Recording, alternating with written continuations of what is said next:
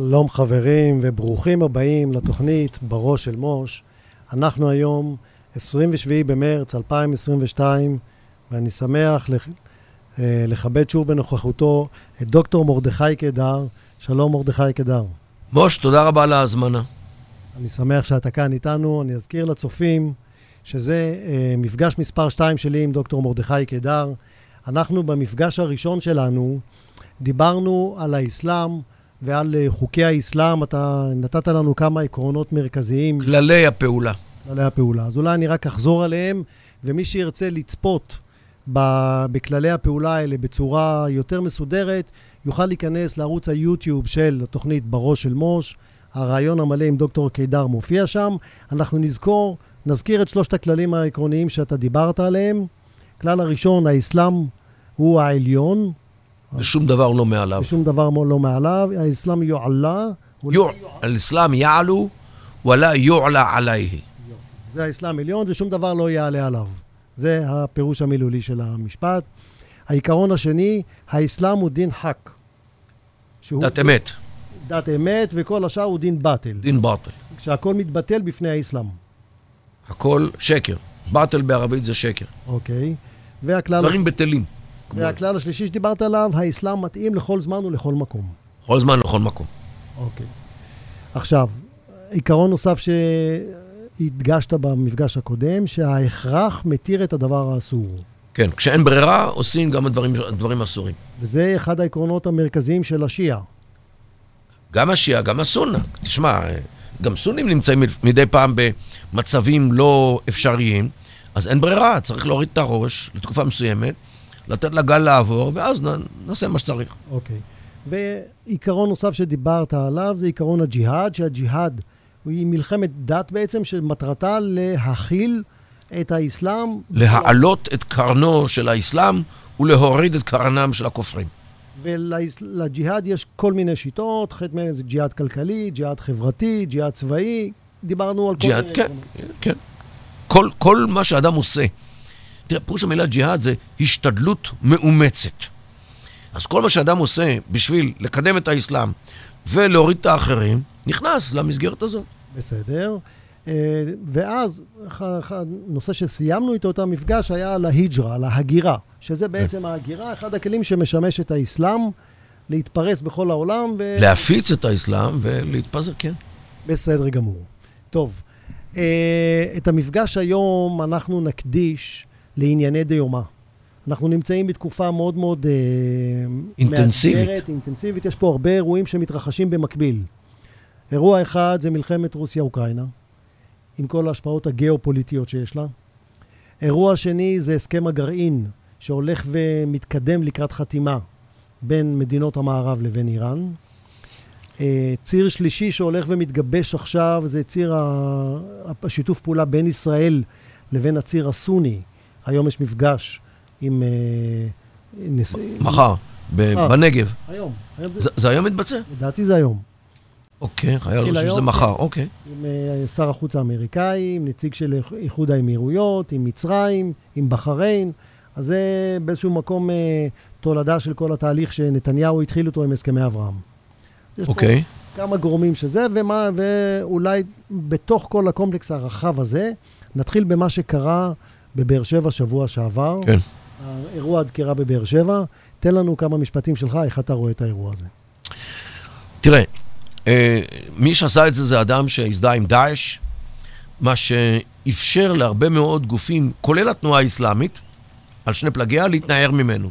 למה? כי הם אומרים שהם לא דאעש. בוא נגיד שהם צודקים. דבר ראשון, בתנועה הצפונית, בפלג הצפוני, היותר רדיקלי, שייח' כמאל ח'טיב, סגנו של שייח' ראאד סלאח, עמד בירושלים לפני כמה שנים, ואמר שצריך להפוך את ירושלים לבירת החליפות האסלאמית. נו, מה זה חליפות אסלאמית? דאעש. הם קראו לעצמם מדינת החליפות. זאת אומרת, דרך המינוח הוא רומז לדאעש, הוא לא אומר דאעש באופן מפורש, אבל הוא רומז לכך שישראל צריכה ללכת לעזאזל, וכל המזרח התיכון צריך להפוך למדינת האסלאם, וירושלים צריכה להיות בירתו. עכשיו, דאעש, במהות שלו, באוריינטציה שלו, הוא ארגון סוני, הוא לא, הוא לא ארגון שיעי. זאת אומרת, הוא... ארגון אנטי-שיעי. הוא אנטי-שיעי. זאת אומרת, המלחמה סוני. הקשה היא בין... איפה העניין? העניין הוא שזה לא רק, זה לא רק הפלג הצפוני. מה שקורה, אתה יודע מה, בוא, בוא אני אסביר לך את זה, שתבין. תחשוב על פירמידה, שיש לה שפיץ, והיא מחולקת ב- לפרוסות אופקיות. כל פרוסה היא נמוכה יותר מהפסגה, רחוקה יותר מהפסגה, אבל רחבה יותר. ובלי כל שכבה אין פירמידה, אוקיי? השפיץ למעלה הוא נגיד המפגע, או קבוצת מפגעים. מתחתיהם יש שכבה של אלה שמגייסים אותם, אלה שמאמנים אותם, הם, הם כן, נוטעים בהם את, את הזה ושולחים אותם, משגרים אותם. הם קצת יותר רחב, אבל הם לא עושים את העבודה. מתחתם יש שכבה של, נגיד, מממנים. מתחתם יש שכבה של מסיתים. אז מה שאתה אומר זה שיש פה ארגון פעיל שהמת... מתחתם יש שכבה של מכשירי הלבבות או התודעה. שם התנועה האסלאמית נמצאת. התנועה האסלאמית היא זאת שמאסלמת, או לא, היא מחזירה את הבדואים חזרה אל אסלאם איחואני, זאת אומרת, אסלאם מהפכני, אסלאם רדיקלי, אסלאם שתפקידו לפעול כנגד השלטון בכל מקום, אם זה בירדן, אם זה בסוריה, אם זה פה, זה אותו דבר. זאת אומרת שהדעווה שעושה התנועה האסלאמית, זה הקריאה לאסלאם, השבה בתשובה כאילו של הבדואים, כי מסורתית הבדואים הם אסלאם לייט. הם לא, הם לא אסלאמיסטים. הם מוסלמים בהגדרה, הם לא...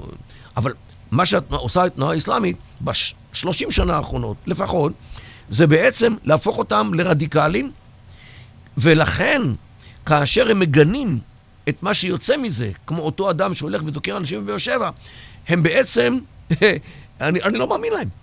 מכיוון שמה שהוא עשה זה תוצאה של הפעילות של ההכוונה של שלהם. שלהם, של הדאווה שלהם. כי ברגע שאתה בא ואומר שמדינת ישראל אין לה זכות קיום, בגלל שככה זה באסלאם, מדינה, יהודים הם, הם, הם צריכים להיות, להיות אהל בני חסות של, ה, של המוסלמים, שארץ פלסטינית כולה ארץ אסלאמית. שזה. זה ההוראות, ככה הם מלמדים. אז- אז, מה אתה, אז מה, אתה, מה, מה אתה מצפה? שלא יהיה מישהו אחד לפחות שייקח שקים וילך לדקור יהודים? אז אני רגע מחדד את הנקודה. כשאתה אומר אני לא מאמין להם, אתה מדבר על הפלג הצפוני. על שניהם. ו... ו... המ- המטרה של שני פלגי התנועה האסלאמית היא אותו דבר, לחסל את מדינת ישראל כמדינת העם היהודי. החלק, הפלג הצפוני אומר את זה בגלוי, ולכן הוא מחוץ לחוק. והפלג הדרומי, הפלג הדרומי עושה את זה מתוך הכנסת, שזה רע"מ. שזה רע"מ, ש... והוא גם מעביר כספים לעזה, ליתומים ואלמנות, באמצעות אגודת סיוע 48, מה שנחשף בתקשורת. כן, בסדר, אני דווקא מה זה לא... בסדר? זה לא, לחמאס. לא, אני לא רוצה רגע להיכנס לזה, לא, בש... לא שזה בסדר, אלא פשוט זה עניין אה, עובדתי. יש פה, אני עורך דין, אני תמיד, אתה יודע, כשמדברים על דברים כאלה, אני נכנס לפן העובדתי על הראיות, כמה הן נכונות, כמה לא. היו שם מחלוקות, אני רוצה רגע לשים את זה בצד. אז אתה, את, ה... מה פה שהם הודו בזה? את. את הנקודה... ש... את ה- שמעבירים ליתומים ואלמנות. כן, אבל אני רוצה רגע להתייחס למה שאומר, נגיד, אה, מנסור עבאס. איך אתה מפרש את ההתנצלות שלו, את דברי הגינוי שלו? תקיע. תקיע. זאת אומרת, אה, העמדת פנים, כדי לשרוד בכנסת. אם הוא יגיד שהוא תומך, או אם הוא יודה שמה שאותו אדם עשה זה כתוצאה סובלימטיבית, כן, תוצאה רחוקה של מה שהם עושים בנ- בנגב, אז uh, הוא מפליל את עצמו. לכן, לכן הוא מגנה את זה, כדי להרחיק מעצמו את העניין הזה. ואיך אתה חושב שישראל הייתה צריכה להתייחס, להתייחס נגיד, לדברי הגינוי שלו? לשאול אותו באופן מפורש. וביום שיהיה לי יום אחד בתקשורת, אני אשאל אותו, תגיד, האם למדינת ישראל כמדינת העם היהודי יש זכות קיום על פי מה שאתה חושב? אם הוא יגיד לך שלא, הוא יגיד שלא, אז נפלו המסכות. ואז מה? מה הוא עושה בכנסת? אז לשיטתך... מה הוא עושה בכנסת של מדינת ישראל, מדינת העם היהודי, אם הוא חושב שמדינת ישראל אין לה זכות קיום? אז מה הפתרון של... שאתה רואה? להוציא אותה מחוץ לחוק. להוציא אותו מחוץ כן, לכנסת? ת- ואז? לא, מחוץ לחוק. לא ייתכן שמדינת ישראל תאפשר לארגונים שחושבים שהיא לא צריכה להתקיים, לחיות בתוכה. בזמנו השופט כהן הכשיר, אה, כן, בשנות ה-60, אה, את, את פסילת אה, אה, אל-ארד, תנועת אל-ארד, שהיא הגלגול הקודם של בל"ד, מכיוון שבצ'רטר שלהם הם אומרים שלישראל אין זכות קיום כמדינה יהודית ודמוקרטית. אז הוא אומר, לכל, לכל מדינה יש זכות הגנה על עצמה. אז גם שהחוק לא אוסר במפורש את הדבר הזה, עדיין הזכות הטבעית, אתה מכיר ודאי את אה, פסק הדין ירדור נגד, היועץ, נגד, נגד אה, יושב ראש, אה, יושב ראש הכנסת. יושב ראש ועדת הבחירות הבחירות. לכנסת. אז, אה, אז, אז, אז, אז נקבע הלכה בשנות ה-60 שלא ייתכן שיאופשר למדינה, במדינת ישראל למפלגה שאיננה חושבת שמדינת ישראל יש זכות קיום, לרוץ לכנסת. זה לא, זה, זה, זה, זה סתירה מיניה וביה. בשנות ה-90 אהרן ברק הכשיר את זה, בטענה הזויה שממילא הם לא יכולים לבצע את זממם. כן. נו, סליחה, מותר לי לעבור רמזור באור אדום בשתיים בלילה כשאני יודע שאני לא אדרוס אף אחד? אז בעצם מה שאתה אומר לנו כאן, הרי הייתה תקופה ארוכה שהבדואים היו מגויסים לצבא והיו משמשים כגששים, והיו אה, חלק אה, אינטגרלי מכוחות ה... היו קבוצה קטנה, מספר לא גדול של בדואים שהתגייסו, וטוב שכך זה קורה, בעיקר בדואים מהצפון. פחות מהדרום, אבל גם בדרום. אלא מה? צריך להבין, הם עושים את זה בשביל שתי סיבות. וכאן צריך להגיד את האמת. אחד זה פרנסה, ומה לעשות, הם נהיים בקבע ביום הראשון שמתגייסים, הם לא, הם לא עושים שירות חובה, עד כמה שאני יודע. דבר שני, גששים פותחים ציר, לבד. הם הולכים לבד. מה זה אומר? שאם בלילה מישהו מעבר לגדר זרק איזושהי חבילה אל, ה, אל השביל, הם. הם מרימים את זה, שמים את זה בפאוץ' וממשיכים קדימה, פותחים את הציר. ותפסו כמה כאלה בצפון בעיקר, שזה מה שהם עשו.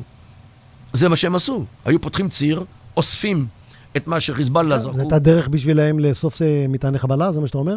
סמים. סמים שבאים בעיקר מלבנון. זה, זה היה דרך, שיטה טובה. כן. הוא פותח את הציר לבד, אף אחד לא הולך איתו, שמא הוא יתפוצץ, ואוסף בדרך. אה, אז תראה, המקרה חבילות. הזה, המקרה הזה ב... שהיה הרצח בבאר שבע, הוא, הוא דוגמה לאובדן משילות שיש בנגב. לא. ואתה לא רואה את זה כאובדן משילות? אובדן משילות זה, זה כיבוס מילים. מה שקרה שם זה מדינה בתוך מדינה. מדינה אסלאמית בתוך מדינה יהודית. זה מה שקורה שם. והמדינה האסלאמית הזאת, החוקים שמה זה שכל מי שבא לו, בונה איפה שבא לו, למרות שזה לא שייך לו, כי זה החוקים של הבדואים. אה, מותר ביגמיה ופוליגמיה, כי באסלאם מותר. זה חוקי האסלאם, זה לא חוקי המדינה. יש שם מדינה אסלאמית. זה לא שאין משילות, אין מדינה. ומה הדרך להתמודד עם זה בעיניך? D9. לקחת טרקטור וליישר את כל, ה, את כל מה שבנוי לא- לא לפי החוק. יש להם 48 שעות לפנות את כל הבתים. אין דרך אחרת. ת- ת- תגיד, שמע, אנחנו פה נמצאים באזור תל אביב.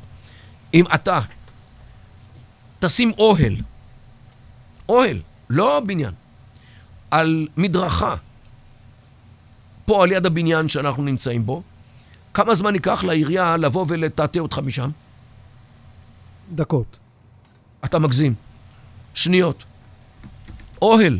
שם הם בונים ארמונות על אדמה ציבורית לא פחות מאשר המדרכה פה. נו, אז למה המדינה לא מטאטאת אותם? כבר שנים. מה הדבר הזה? זה. אתה עורך דין, אתה יודע. ממתי זה התחיל לדעתך?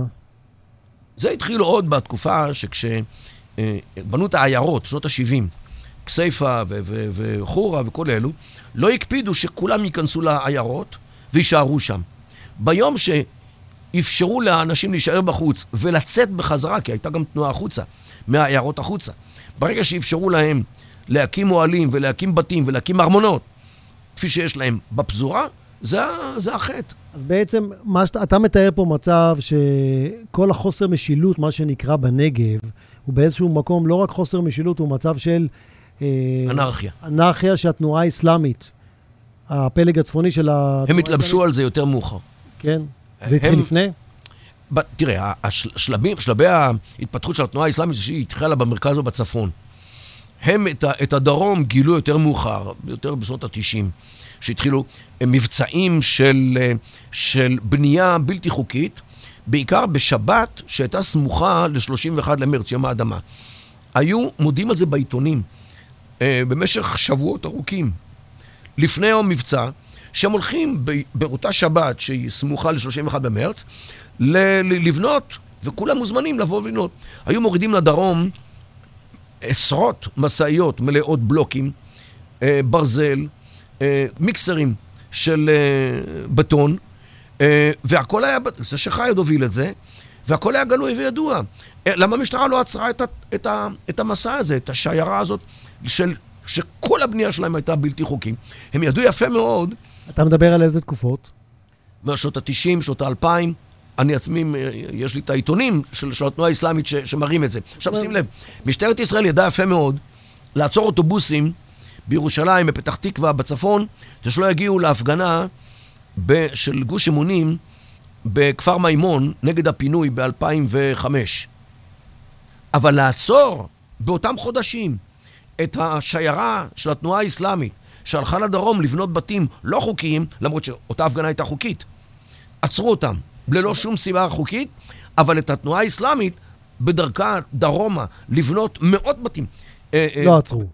את זה לא עצרו. אז רגע, אבל זה, זה באיזשהו מקום זו החלטה פוליטית הרי. יושב דרג מדיני, דרג פוליטי, לא. שמחליט, לא. ואומר, ואנחנו מדברים כל השנים האלה, זה שנות שלטון של הליכוד. לא, זו הייתה החלטה של הפרקליטות. ואיך אני יודע? בשנות האלפיים הראשונות, שר ביטחון פנים היה אהרונוביץ'. הוא הקים ועדה בעקבות האינתיפאדה והמעורבות של התנועה האסלאמית בכל מיני הברחות של אנשים ומפגעים והכול. הוא הקים ועדה לטיפול בתנועה, של הטקס עצה, מה לעשות בתנועה האסלאמית. והיו שם כל מיני אנשים. הוא הזמין אותי להיות בוועדה כיועץ אקדמי, כי אני אז פרסמתי כמה מאמרים אקדמיים על התנועה האסלאמית.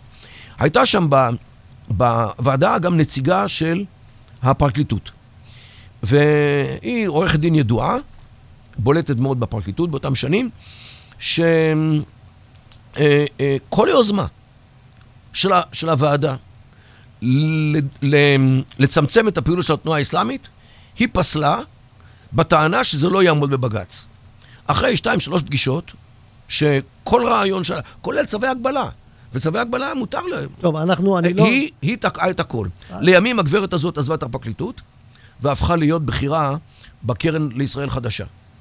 טוב, זה נושא... אז אתה מבין עכשיו? אני מבין, אבל זה נושא בפני עצמו, אנחנו נקדיש לו אולי איזשהו מפגש אחר, איך הגענו למצב של מה שאנחנו נקרא... לדעתי, רוחו של אהרון ברק... אובדן משילות. רוחו של אהרון ברק והאג'נדה שלו, הפוסט-מודרניסטית, האנטי-ציונית, כפי שהתבטאה בפסיקות של בג"ץ, חלחלה למטה, גם לפרקליטות. אנחנו נבחן את זה במפגש אחר, נקדיש לזה באמת שיחה, זו שיחה עמוקה ומרתקת.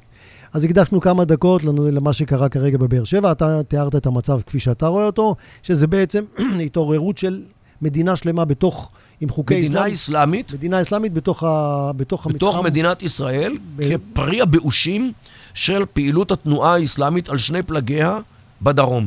תראה, בדרום לא ראית אף פעם מסגדים. כי אלה מתפללים בבית. היום אתה לא יכול לעבור בדרום בלי לראות את כל האורות הירוקים. שמי בנה אותם? התנועה האסלאמית בנתה אותם, מימנה אותם. הבנתי, יפה. בוא, אני רוצה לעבור איתך לנושא הבא, וזה הסכם הגרעין עם איראן. אוקיי. ופה יש כמה נקודות שהייתי רוצה ללבן. אני דווקא דיברתי בערוץ 14 לפני כמה ימים, ואמרתי שהנושא של הסכם או לא הסכם הוא סוג של פיקציה. כי באיזשהו מקום... האיראנים עושים מה שבא להם בכל מקרה. נכון. הם שועטים לכיוון הגרעין, וזה רק למראית עין. איך הם אה, מנסים לכסות על עצמם ולצמצם את הנזקים של סנקציות או דברים מהסוג הזה. ובסופו של דבר הם הולכים באותו כיוון, שהכיוון שלו המטרה היא להגיע... ישראל הוכיחה את זה. להגיע לכיוון של אל-חזור, ולכן... ישראל הוכיחה את זה באמצעות הארכיון. שישראל... הסכם או לא הסכם לא ישנה את התוצאה. הם לא. הולכים באותו כיוון. כן. אתה מסכים עם האמירה הזו? ברור. לדעתי, אה, יש להם הרבה יותר חומר בקיע ממה שחושבים, בכל מיני אתרים סודיים שהעולם לא יודע עליהם. והם מפתחים שם מה שבא להם, מחוץ לכל ההסכמים, מחוץ לכל הבדיקות, אה, ויש לזה סימנים. אה, הוועדה הבינלאומית לאנרגיה אטומית דורשת מהם אה, לבקר בכל מיני מקומות שבהם נמצאו חומרים רדיואקטיביים, והם מסרבים. אז מה? אני מוצא לך דם על הידיים. אז אחד משתיים, או שגירדת פצע, או שרצחת מישהו. שנייה, אבל אתה, את הדברים שאתה אומר עכשיו, אתה מבסס על סמך ההערכות שלך, זה לא על סמך איזשהו מידע שקראת או הגיע אליך מאיזשהו... יקירי, אחד ועוד אחד זה שתיים. כן, אבל זו מסקנה. זו מסקנה שאתה מסיק כתוצאה... אחד ועוד אחד זה שתיים זה לא מסקנה. לא. אחד ועוד אחד זה שתיים זה עובדה. ברגע שהסוכנות הבינלאומית דורשת לבקר באתרים, כי נמצא שם חומר בקיע, לא מוסבר, והאיראנים מסרבים, אז זה ברור שהם מנהלים שם פעילות גרעינית לא ידועה ולא, ולא מפוקחת. טוב. עכשיו, מה האופציות שעומדות בפני ישראל? טוב, תראה, אני לא בצבא ואני לא יודע מה האפשרויות. מה שברור אבל, זה ש... או לי על כל פנים ברור, אה, מהמעט שאני מבין, זה שהתקפה אווירית לא, לא תחסל את הדברים החשובים לפרויקט הגרעיני האיראני. למה? הם הורידו את הכל מתחת לאדמה? כי הכל חפור מתחת להרים. תראה, מה שהם עושים, הם, נגיד יש לך הר עם, הר גבוה וגאיות, כן, ואדיות משני צידיו. אז הם חופרים מתוך הוואדי מנהרה אל תוך ההר, באלכסון כלפי מטה, ובתוך ההר הם עושים חלל, ובתוך החלל עושים מה שבא להם. מעל החלל הזה יש קילומטר של הר. אין שום פצצה שעוברת את הקילומטר הזה. הפצצות חודרות בונקרים, עוברות עשרה מטר, עשרים מטר, שלושים מטר של, של סלע. זה סלע, זה לא חול, אוקיי? ולכן לעבור קילומטר, אין דבר כזה בעולם. מה אתה צריך? אתה צריך להביא חי"ר, חבר'ה, אנשים, שיילחמו אל תוך היעד, ואז שיילחמו בתוך היעד, כדי לפוצץ את כל היעד מבפנים. זה הכל, אין דרך אחרת לטפל באותם... אתה גם לא יכול להשחיל פצצות מהאוויר לתוך הפתחים. א', מכיוון שהפתחים הם מזוגזגים. ב', יש דלתות מאוד מאוד עבות בין אה, זיגזג לזיגזג, ולכן גם אם תטיל פצצה נורא חזקה בכניסה, שאלה טובה אם היא תוכל לפרוץ פנימה את כל הדלתות וכל הדברים הללו. ולכן אין ברירה להנחית כוח, אלא מה? שמה זה יחסית קל. למה? בגלל שהארץ שם היא מאוד הררית, הם מסתמכים על גשרים. כן, אתה לא יכול להוביל קורות בלי, בלי גשרים. כל הזמן יש גשרים בין הערים. הרבה מאוד מהגשרים הללו נבנו על ידי ישראל. בשנות ה-70. בשנות ה-60-70. משך. חברת ורד למשל, מקורות, כל אלה שבנו שם גשרים. התוכניות של הגשרים הללו נמצאים בארץ, לדעתי. אני מקווה ששמרו אותם. ולכן, אם אתה רוצה להתקיף אתר, אתה רואה מהם הדרכים שמובילות אליו, אבל אתה מפוצץ שלושה ארבעה גשרים שמסביבו ואתה מבודד אותו. ואז אתה יכול להנחית עליו מה שאתה רוצה. איפה הבעיה? הם יכולים לה, להביא כוחות, סיוע, במסוק. אז אתה צריך לוודא שמסוקים לא טסים. אבל יחסית זו פעולה אה, אה, קלה, בגלל האפשרות לבודד את אזור הפעולה באמצעות פיצוץ של כמה גשרים ומניעת טיסה של מסוקים. אז אתה חושב שהעובדה שמדינות המערב ו/או ישראל לא תקפו לפני 10-12 שנים הייתה טעות? בדיעבד מתברר שכן. שוב, השאלה היא מה היה מצב החפירות מתחת לאדמה אז. אני לא, לא יודע להגיד לך היום בדיעבד מה היה המצב לפני עשר שנים. המצב היום הוא שעל פי מה שאני קורא בכל מיני דוחות גלויים, אה, יש להם הרבה מאוד, יש להם יותר מדי אה, אתרים חפורים, וחלק מהאתרים הללו לא ידועים, לא מוכרים, וודאי לא מפוקחים. תראה, אנחנו זוכרים מה קרה במלחמת לבנון השנייה, עם ההתקפות העצומות שישראל ניהלה מהאוויר נגד אה, המשרדים של חיזבאללה, כן. בדחיה. כן. ולא הצליחו לפוצץ אותם, הם היו חפורים היטב היטב עמוק באדמה, נכון. והם נשארו מוגנים גם אחרי המלחמה. יותר מזה, גם uh, מה שנקרא שמורות טבע, אותם uh, אתרים מלאי מחילות, מנהרות וחרכי ירי מתוך האדמה, ואני לפחות יודע על מקרה אחד כזה באזור ג'זין, שהיה עליו כתבה באחד מתחנות הטלוויזיה, וממש הראו את הדברים האלו בצורה מדהימה ביופייה, ביופייה במרכאות, כן? אמ, אין ברירה, שם אתה לא, אתה לא יכול לטפל בדברים האלה מהאוויר. לדעתי, גם אם אתה משחיל אה, פצצה פנימה מאוד מדויקת, אה, לתוך אה, חור שקוטרו 30 סנטימטר, מה שלדעתי זה מאוד לא פשוט לעשות, גם עם כל אמצעי הניווט. כי אתה צריך לא רק להיכנס לתוך החור, אתה צריך גם בזווית הנכונה, כי אחרת הסיפור שלך יתפוצץ אם אתה נכנס... חוץ. כן, תחשוב על, על חור שאורכו שני מטר, זאת אומרת צינור שיוצא מהאדמה, או יוצא מהסלע. אם אתה לא נכנס לתוך הצינור, בזווית של הצינור, אז לא יקרה לו כלום לצינור. טוב, אז אלה, אלה נקודות צבאיות, ואנחנו לא, שנינו לא אנשי צבא, אני עורך דין, אתה מזרחן, אז אני חושב שבעניין הזה צריך באמת לשבת לדבר עם אנשי צבא.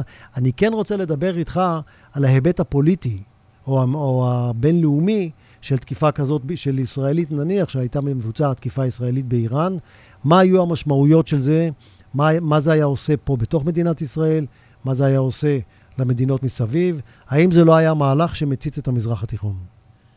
בהחלט יכול להיות. לדעתי, אה, איראן שומרת את הערימה של הטילים שיש לחיזבאללה בדיוק למקרה הזה. שברגע שישראל תוקפת משהו של איראן באופן ישיר בתוך איראן, אז להם מותר לומר לחברים שלהם בלבנון, תעשו לישראל את מה שהחות'ים עושים לסעודיה. פי עשר או פי מאה. מה שאתה אומר זה שאם ישראל תוקפת באיראן, סבירות מאוד מאוד גבוהה שזה פותח מלחמה בחזית הצפונית, שאיראן, שחיזבאללה יתחילו לשגר טילים לכל עבר ישראל? לדעתי זו הנחת עבודה בישראל אה, של כוחות הביטחון, כאשר אתה יכול להוסיף ללבנון גם את עזה. ואז אנחנו נכנסים למלחמה רב-חזיתית. ואז אנחנו, כן, תשמע, אה, אנחנו כבר נמצאים בפאזה הזאת, שראינו במאי האחרון רב-חזיתיות אה, בולטת. ירושלים ושייח' ג'ראח והר הבית ועזה והדרום ובצפון ובעכו וביפו. ראינו רב, רב אה, אה, חזיתיות. זאת אומרת, הרעיון הזה של לשלב חזיתות ביחד, זה רעיון שכבר יצא מהבקבוק. בהחלט. והנחת ה... אז זה יהיה נכון לומר שמדינת ישראל אה, בורחת מה... מהמאבק הזה ומחפשת תראה, שקט? בוא נאמר ככה. אני יודע מה אני עושה. אני בהרצאות שאני נותן בחודשים האחרונים, מאז מאי, מתריע בדיוק על הנקודה הזאת. תראה, במשך השנים, ישראל עבדה על שני, או על שתי הנחות יסוד. האחד זה שהחזיתות נפרדות. חיזבאללה זה דבר אחד, חמאס זה דבר שני, ירדן, ירושלים, אה, סיני, עם הג'יהאדיסטים שם, כל אחד זה דבר אחר, וזה אג'נדה אחרת, דבר ראשון. דבר שני, הכוחות הישראלים אה, מתאמנים, אלה מול חיזבאללה, אלה מול זה, אלה, לא יודעים אחד מהשני, לא, כי אלה מיועדים לזה, אלה מיועדים לזה, הם מיועדים לזה. מה שקורה בחודשים האחרונים, זה מה שנקרא איחוד הוקטורים. האיחוד כל מה שאמרתי לך, אבל אתה יכול להוסיף לזה אולי עוד אה, אה, אה, החברים של, הס, של, ה, אה, של האיראנים בסוריה, אתה יכול להוסיף גם אולי את הג'יהאדיסטים של סיני, לכל הבלגן הזה, שכולם בבת אחת יתחילו. ועכשיו מה אתה עושה? זה, זה כבר לא אג'נדות נפרדות, זה אג'נדה מאוחדת מצד אחד. מצד שני, אל תשכח שגם בתוך הארץ יכולים להיות בלגנים, כאשר כל מיני ג'יהאדיסטים אה, ינסו להפריע לזרימת הצבא לצפון. אה, בכביש 6, או בכביש 2, או בכביש 4. או בכביש 65. או בכביש 65, כי בסך הכל הם קרובים, והם יכולים לעשות כל מיני דברים מאוד לא סימפטיים למכוניות עם גלגלים מגומי. אז בעצם מה שאתה אומר, זה שמבחינה אסטרטגית, איראן בונה איזשהו מהלך רב-חזיתי, ובקטע הזה... ברור. היא מצליחה. ברור, לא רק זה. כי יש לה את חיזבאללה מהצפון, את עזה מהדרום, את uh, התנועה האסלאמית ב- בתוך ישראל. ודאי. לא רק זה, תוסיף את עיראק עם האפשרות לשגר משם, והם עושים את זה. סוריה, באפשרות לשגר משם. בוא רגע נדבר על סוריה. אה, את, ה, את, את תימן, שיכולה לעצור לנו את התנועה בים אדום, בגלל בא בן מנדל. זאת אומרת, איראן פה בנתה מערך אסטרטגי, כאשר ישראל לאורך השנים פועלת כנגד איראן במישור הטקטי בלבד. כנגד פרויקט הגרעין הצבאי, נקודה. אומרים שישראל פה ושם חיסלה אנשים, אומרים שישראל אה, תקעה להם את הסטוקסנט במחשבים, אומרים שישראל פיצצה להם פה ושם, אומרים שישראל לא... חיסלה מדע, מדעני גרעין הוריד, כאלה או אחרים. הוריד, הורידה להם, את, אה, גנבה להם את, את, את, את, אה, את ארכיון הגרעין. זה הכל פעולות חשובות, רצויות, נכונות, אבל במישור הטקטי בלבד. ישראל לא עשתה כמעט כלום במישור האסטרטגי. כשאיראן משקיעה הרבה יותר כוח והרבה יותר מאמץ וכסף לבנות לעצמה מזרח תיכון אסטרטגי, כאשר היא מספחת לעצמה את עיראק, את סוריה, את לבנון, את עזה, את תימן. כמעין צבת שתופסת את כל מה שבאמצע, את האמירויות, את סעודיה, את ירדן ואותנו, בין, ה, אה, אה, בין, בין המלחציים, הצפונית, עיראק, סוריה, לבנון, והדרומית, תימן, עם באמצע עזה. אז הם בנו מערך מדהים ב... ב, ב, ב ביעילותו. באפקטיביות שלו. מה אנחנו עשינו לאורך השנים? האם רכשנו חברים בעיראק? האם רכשנו חברים בסוריה? האם רכשנו חברים בלבנון? האם רכשנו חברים בתימן? האם רכשנו חברים בעזה? מה עשינו כל השנים בהיבט האסטרטגי? לא, בנוסף להיבט הטקטי של פעילות נגד פרויקט הגרעין. אוקיי, okay, אז בוא רגע... ישראל לא עשתה שם, כי לנו... ישראל לא הבינה, ש... או לא רצתה להבין, או לא ייחסה חשיבות. חשיבות למה שאיראן עושה, בונה צעד אחרי צעד של מדינות, מדינה אחרי מדינה, אה, מסביבנו, בדיוק בשביל היום שבו היא תצטרך להפעיל את כולם כנגדנו. תראה, במפגש הקודם דיברנו על זה ש... שישראל לא מבינה את העולם הערבי. אתה זוכר? אנחנו זה תמיד. דיברנו על זה שאת הנרטיב הערבי, את, החש... את הראש הערבי, את החשיבה הערבית, אנחנו כישראלים לא מבינים. אנחנו חושבים מתוך ראיית העולם שלנו. גישה מערבית. זה הכלי הקוגניטיבי שבאמצעותו אנחנו פועלים. המוח שלנו, ארגז הכלים החשיבתי. שלנו הוא ערבי. הוא מערבי. המערבי, כן, מערבי, שלנו. והוא שונה מהחשיבה הערבית. לחלוטין שונה. זאת המסקנה שהגענו אליה ב- במפגש הקודם, ובאיזשהו מקום אנחנו היום פורטים את זה לפרוטות, ואנחנו רואים איפה אנחנו מפגרים ברמה האסטרטגית. אני רוצה, יש לנו כמה דקות, אה, לא הרבה זמן, הייתי רוצה לה, להקדיש 2-3 דקות לסוריה. סוריה. מה מה שקורה- שהיה סוריה. מה? מה שהיה סוריה. מה שהיה סוריה. אני רוצה רגע שננתח את הפעילות של איראן בסוריה ושל רוסיה בסוריה. זאת אומרת, איראן הייתה זאת שעזרה לבשאר אל-אסד להישאר בשלטון. היא זאת שעזרה לו להילחם בכוחות דאעש שחדרו אליו והדליקו את, ה- את הכוחות המורדים בסוריה. איפה המשחק של איראן בסוריה? הייתה חלוקת עבודה, עדיין קיימת, בין רוסיה לאיראן על אדמת סוריה. החלוקת עבודה אומרת ככה, הרוסים פועלים מן האוויר, מטוסים, פצצות וכולי, ואילו האיראנים הם ה-boots on the ground, הרגליים על הקרקע. וזה החלוקה.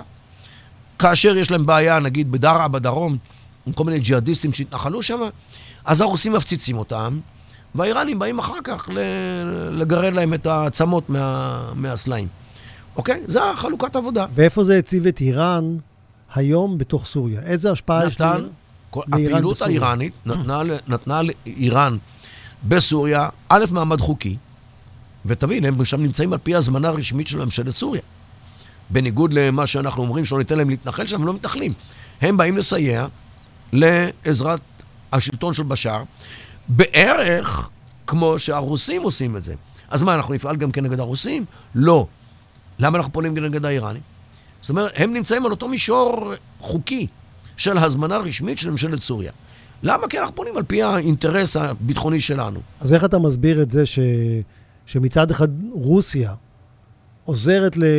לבשאר, לבשאר אסד לשמר את השלטון שלו, שניהם עוזרים לו. ומש... ועוזרת לאיראנים להתמודד עם הכוחות הד... האסלאמיים בכל מיני אזורים של... דאעש ונוסרה וכל ה...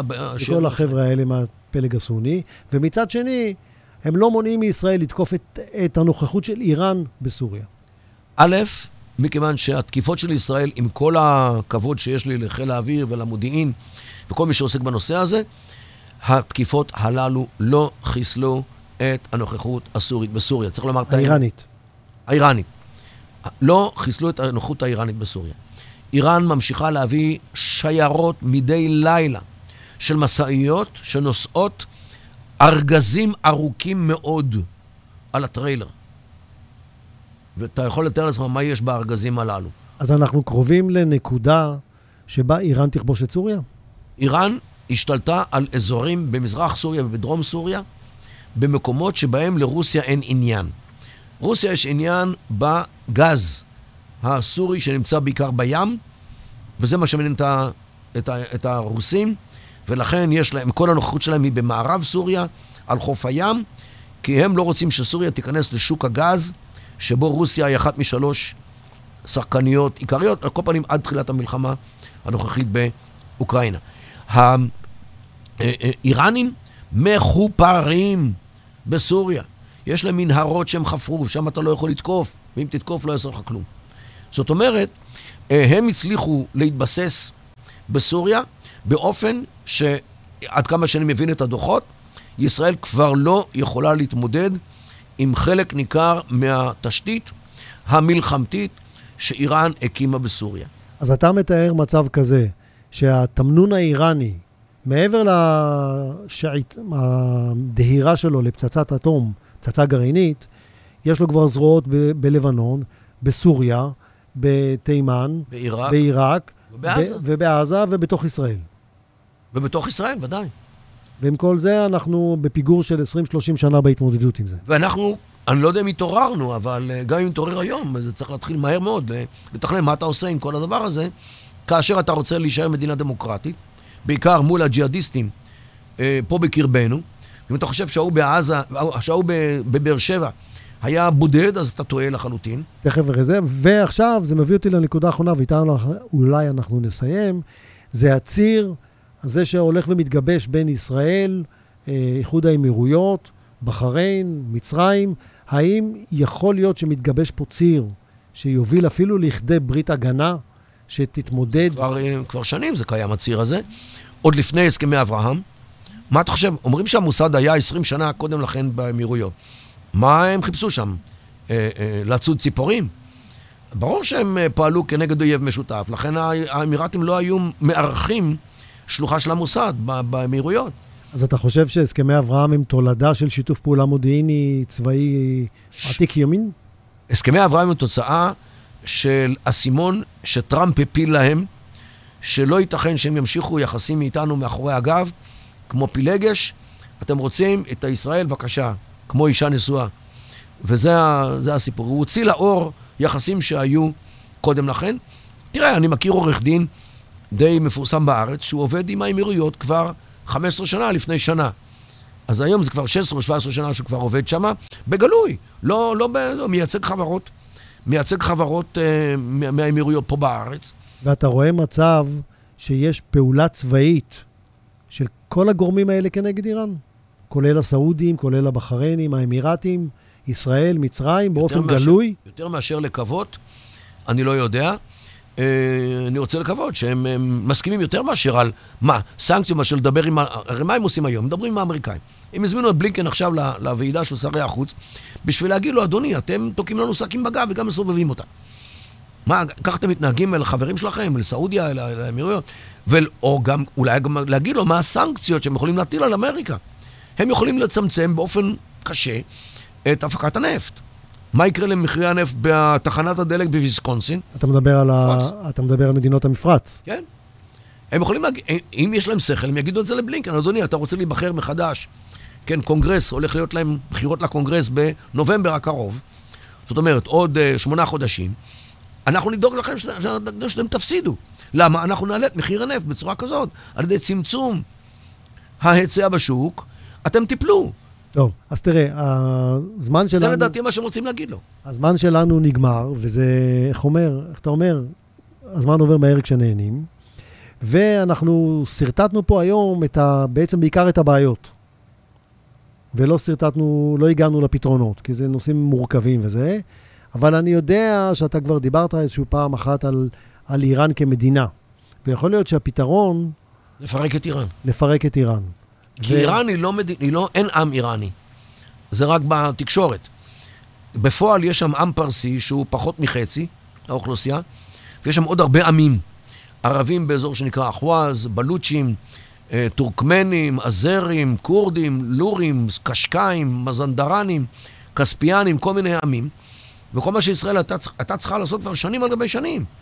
לעודד אותם להתמרד כנגד המדינה ולדרוש עצמאות. מה שקרה לברית המועצות, מה שקרה ליוגוסלביה, מה שקרה לצ'כוסלובקיה.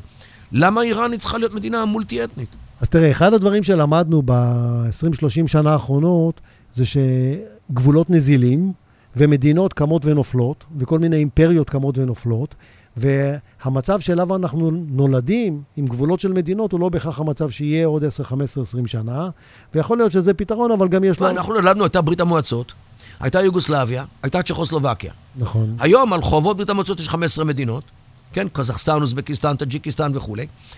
על, על, על אה, חורבות או יוגוסלביה יש סרביה, קרואטיה, מונטנגרו, קוסובו, אלה המדינות שקמו אחרי המלחמה שהייתה שם בשנות ה-90, וצ'כוסלובקיה כבר אה, נפרדה לעם, לרפובליקה צ'כית ורפובליקה uh, סלובקית. נכון. אוקיי? האם uh, סקוטלנד תישאר לעולם ועד בממלכה המאוחדת? מאוחדת. אז, אז אולי אחד הדברים שאנחנו צריכים ללמוד מהתופעות האלה זה לעשות זום אאוט ולראות שכל המדינות האלה יכולות להשתנות. יכול להיות שזה פתרון, אנחנו נדון בו במפגש הבא.